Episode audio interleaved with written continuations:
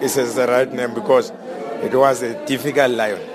It was not easy when the, we started to trek and walk in the mountain like uh, Karoo National Park.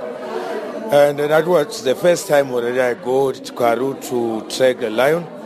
But we trek Sylvester until he get tired and then we caught him. Were you scared? Uh, I'm not scared of lion. I'm only scared God. And then I left this job. Rianel sê dit was baie gevaarlik om Silwester se spoor te sny en te vang. Hy het in die proses sy ribbes gebreek. Between just track the line high up to between 3 and 5000 foot, slipped and fell, broke ribs and yes, was out of action for a week or two and went back after that again back to the line. Every single day was dangerous because you're putting people's lives on the line and um and the terrain was very difficult. It was hazardous terrain all the time. He never went for flat areas, he always went into the mountains. Arvonel sê die publiek se reaksie was oorweldigend. Ja, die publiek was baie hande in die lug en almal was baie bang geweest. Ek dink hulle het gesê dis die minste vee diefstal wat daar nog ooit was. So die boere het ons baie gehelp. En die tweede keer toe hulle gehoor het daar is 'n moontlikheid dat hy uitgesit sou word, het die mense blykbaar by die hoof hy kom toe toe. So hy het definitief in almal se harte ingekruip. Die hoofspoorsnyer in die groep, Tiber Lekongu, sê Silwester het die soektog baie moeilik gemaak vir hulle.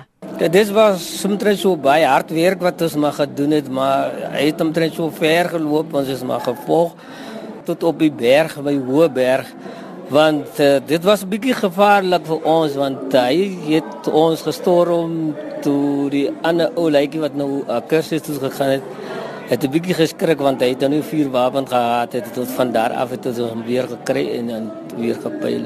Was hierdie een van jou moeiliker take wat jy moes verrig of is dit deel van jou daaglikse werk? Dit is baie moeilik. Dit is baie moeilik om dit te doen want jy moet maar sê waar jy goed geloop, waar is die, die rigting wat hy nou ingegaan het. Ou vaarse spore wat jy nou maar optel dan laat weet vir die ander ouens wat op die grond is.